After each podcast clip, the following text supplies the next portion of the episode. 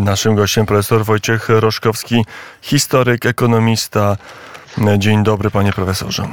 Dzień dobry panu i dzień dobry państwu. A także kiedyś poseł do Europarlamentu jakiś czas temu. Wtedy ten Europarlament inaczej wyglądał i w innym momencie była Unia Europejska. Panie profesorze, nie wiem z jaką intensywnością oglądał pan tę kampanię, no ale pewnie jakoś pan się jej przyglądał, jakie są refleksje i co nam politycy powiedzieli przez ostatnie parę ładnych miesięcy. No, oglądałem oczywiście już troszeczkę z dystansu, no bo w bieżącej polityce tak y, nie uczestniczę czynnie, tylko raczej jestem obserwatorem. I muszę powiedzieć, że no, rozmawiamy właściwie w przeddzień ciszy wyborczej, więc można powiedzieć w apogeum y, emocji związanych z wyborami. I te emocje rzeczywiście narastały stopniowo.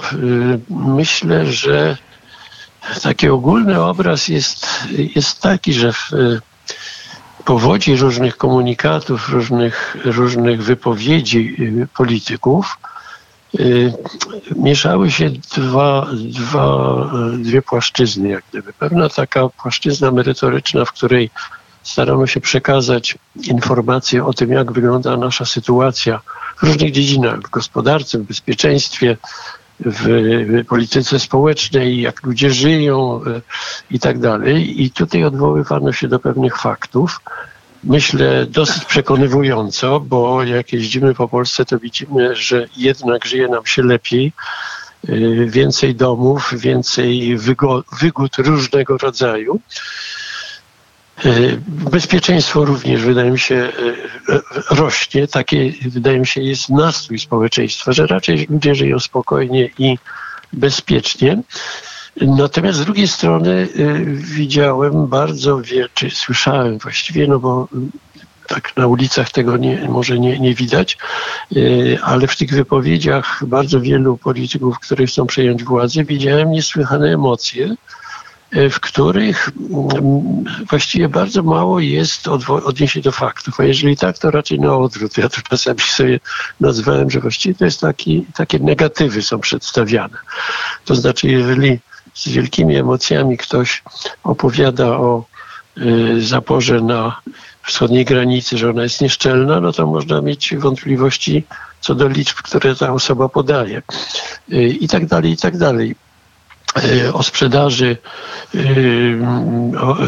lotosu też fakty są, zdaje się, zupełnie inne niż e, emocjonalnie ktoś próbuje dowodzić i tak dalej, i tak dalej. Po, po drugiej stronie widzę ogromną ilość emocji, które zagłuszają refleksję nad tym, jak to naprawdę jest. I to dzieje się w takiej atmosferze, że jeżeli jedna strona stara się spokojnie wytłumaczyć, jakie jest, to tylko tylko to działa na emocje drugiej strony, która oczywiście nie mając najczęściej przekonywujących y, dowodów, albo już wielokrotnie nadużywając zaufania, mówiąc po prostu nieprawdę, próbuje zagłuszyć tę debatę. A najważniejsze fakty, wydaje mi się, rzeczywiście umykają w tej, w tej całej emocji. I te, te najważniejsze fakty to jest to, naprawdę, jak wygląda ta nasza sytuacja, o której już y, króciutko wspomniałem, ale także również co przez te emocje i przez te, no powiem wprost, fałszowanie rzeczywistości y, opozycja chce osiągnąć. I tutaj rodzą się poważne niepokoje, y, które zostały zresztą chyba dosyć wyraźnie udowodniona, czy sens tych niepokojów został udowodniony w tym, tym serialu Reset. Tam mieliśmy pokazane e, nagie fakty. Umowy podpisane przez konkretnych ludzi, umowy o konkretnym, o konkretnej wymowie. I muszę powiedzieć, że dla mnie symbolem e, programu opozycji, zwłaszcza tej najbardziej awanturniczej, jest ta mapka, która mm, pojawiła się y, na ekranach w oparciu o ten, ten y, plan obrony Polski na, na Wiśle. Sama mapka może jeszcze nie wszystko wytłumaczy, natomiast jeżeli na tą mapkę jeszcze rzucić jednostki wojskowe zlikwidowane na wschód od Wisły, to mamy obraz moim zdaniem tragiczny. To znaczy był to plan oddania Polski w połowie Rosji, bez, bez y, jednego wystrzału. Na to jeszcze nakłada się drugi element, mianowicie rezygnacja z tarczy antyrakietowej przez y, ekipę PO-PSL. A może to I- były błędy etapu? Teraz już Donald Tusk może jest mądrzejszy i pod względem ekonomicznym, jeśli chodzi o podatki, o, o wiek emerytalny, o uszczelnienie e, systemu budżetowego, systemu podatkowego. No i także wobec Rosji już może teraz e, będzie twardo walczył z Putinem. Y, Wie pan, w polityce liczy się zaufanie. I wydaje mi się, że oczywiście w tej kampanii przekonywano przekonanych najczęściej, więc tutaj myślę, że jakieś niespodzianki mogą się okazać oczywiście, ale jak gdyby wszystko jest jasne. Y, Mniej lub bardziej dla dwóch stron konfliktu jest jasne. Y, Natomiast jeżeli chodzi o to dziwne takie słowo zaufanie, które rzadko jest używane chyba na poważnie w dzisiejszym naszym życiu politycznym, no to tego zaufania ja bym jednak do strony opozycyjnej nie miał, im bardziej ona się awanturuje. Bo zamiast odnoszenia się do faktów mamy czystą awanturę. Ja bym jeszcze zresztą, tak jak pan mówi, y, spojrzy- y, można na to spojrzeć z perspektywie tak zwanej mądrości etapu. To znaczy, powiada się czasami, że tak, no bo prezydent Obama ogłosił reset y, 17 września 2009 roku, zrezygnował z tarczy. Wobec tego trzeba było próbować dostosować się do tej bardzo niewygodnej sytuacji. Otóż nie. Historyk niestety, historyk najnowszych musi przypominać chronologię i wydarzenia według przebiegu chronologicznego.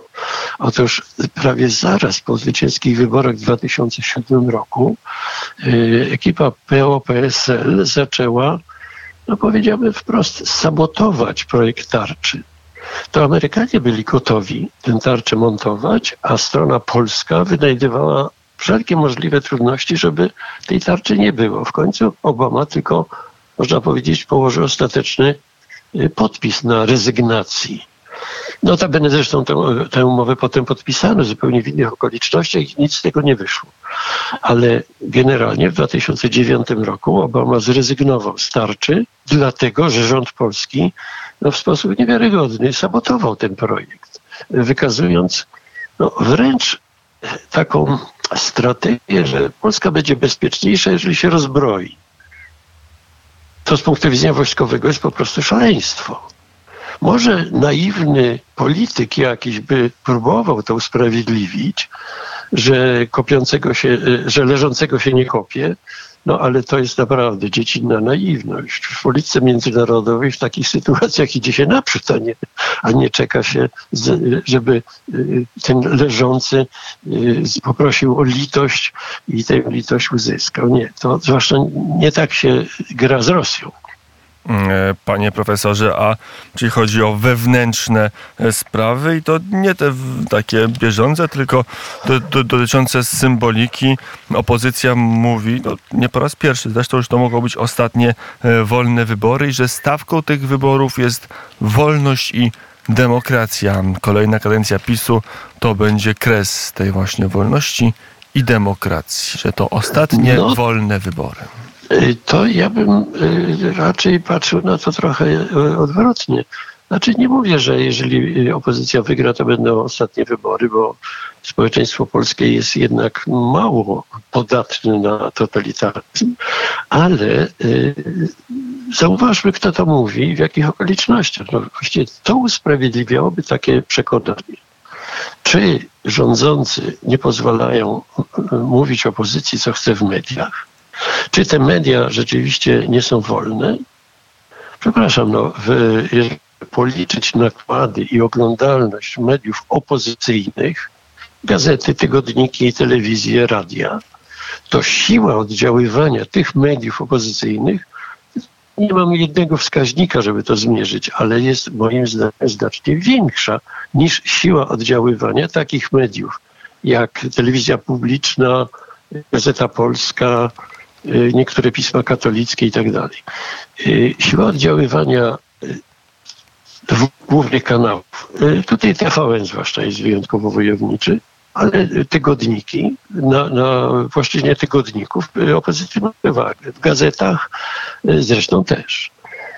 Więc mówienie, że coś zagraża wolnym mediom, to jest szaleństwo. No, nic na to nie wskazuje. Wolne, tak zwane wolne media, które wyjątkowo agresywnie zachowują się wobec rządzących, y, mają dzisiaj w Polsce przewagę, więc to one, mówiąc o zagrożeniach, chyba chcą monopolu całkowitego. To tu jest może niebezpieczeństwo, że jeżeli opozycja wygra, to wszystkie media znajdą się w jej rękach. Może o to chodzi. Tylko to dokładnie ma odwrót, oni mówią dokładnie na odwrót. A mamy też Prawo i Sprawiedliwość, kampania mm, zdaniem wielu dość jednokierunkowa kampania, która przypominała, że Donald Tusk to nie jest dobry polityk. Skąd taki wybór partii rządzącej? Pan profesor mówił w naszej rozmowie o, o tym pozytywnych zmianach. E, to w kampanii gdzieś było na drugim planie, a może zgoła w tle. Na pierwszy plan był przekaz Donald Tusk. To, to nie jest dobry wybór dla Polski. No to można się zastanawiać nie tyle nad tym, e, jak to w ogóle naprawdę jest, tylko jak działa e, mechanizm kampanii i jak oddziaływać na nastroje społeczne. Czy y, mobilizacja elektoratu jest skuteczniejsza przy pomocy tak zwanych dobrych naszych wiadomości, czy przy pomocy złych wiadomości o przeciwniku? Y, nie jestem tutaj specjalistą, żeby stwierdzić, która z tych taktyk jest bardziej skuteczna.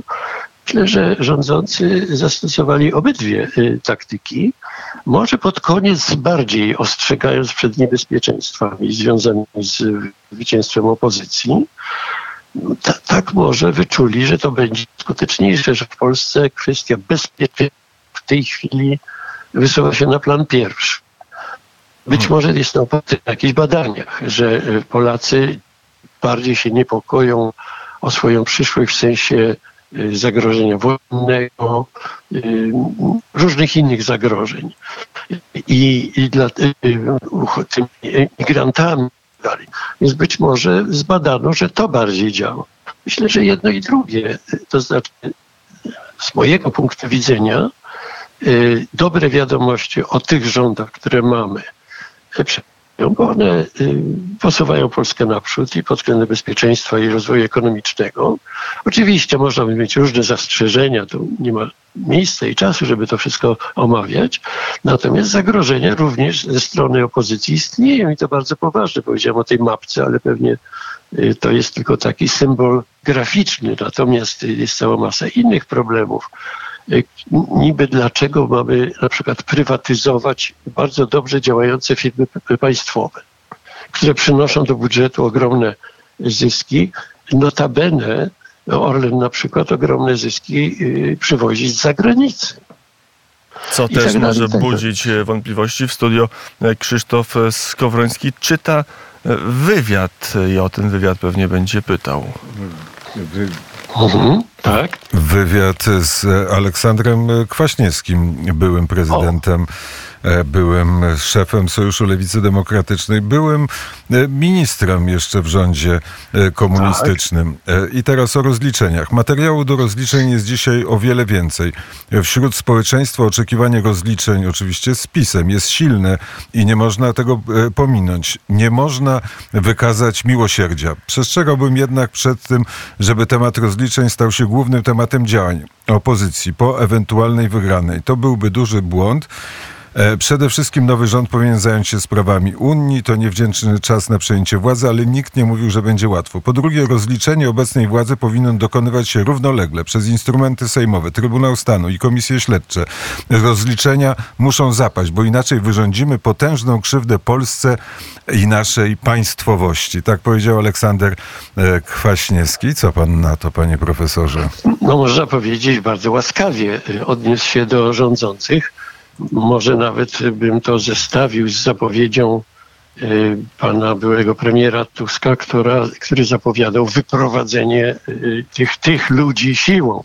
Więc Kwaśniewski jest bardziej łaskawy i odwołuje się do państwa prawa. Ja bym tylko spytał, rozliczenie czego? Bo to jest istotne tutaj słowo. rozliczamy, to, to jest polityczne słowo, to nie jest prawne określenie, ale jeżeli rozliczamy w sensie politycznym, no to kogo za co? Jakie to straszne grzechy y, ta władza popełniła? Y, Oczywiście błędów można by jakiś znaleźć sporo, y, ale y, to nie były błędy kategorii zdrada stanu, y, jawne złodziejstwo, czy właściwie tolerowanie jawnego złodziejstwa, y, którym było na przykład wyciek y, dziesiątek miliardów złotych z budżetu przez mafie VAT-owskie w latach poprzedniej koalicji i tak dalej, i tak dalej. Więc ja szczerze mówiąc tak wielkich grzechów po stronie dzisiaj rządzących nie widzę. Mało tego, y, jeżeli słyszę o tych grzechach, to najczęściej te oskarżenia nie są poparte wiarygodnymi danymi czy, czy wiarygodnymi y, dowodami. To są najczęściej rzeczy dosyć gołosłowne jednak. O czym e, mówił e, profesor Wojciech Roszkowski, e, historyk, wykładowca akademicki, kawaler, kawaler Orderu Orła Białego. Panie profesorze, dziękuję bardzo za rozmowę. Bardzo dziękuję. Kłaniam się.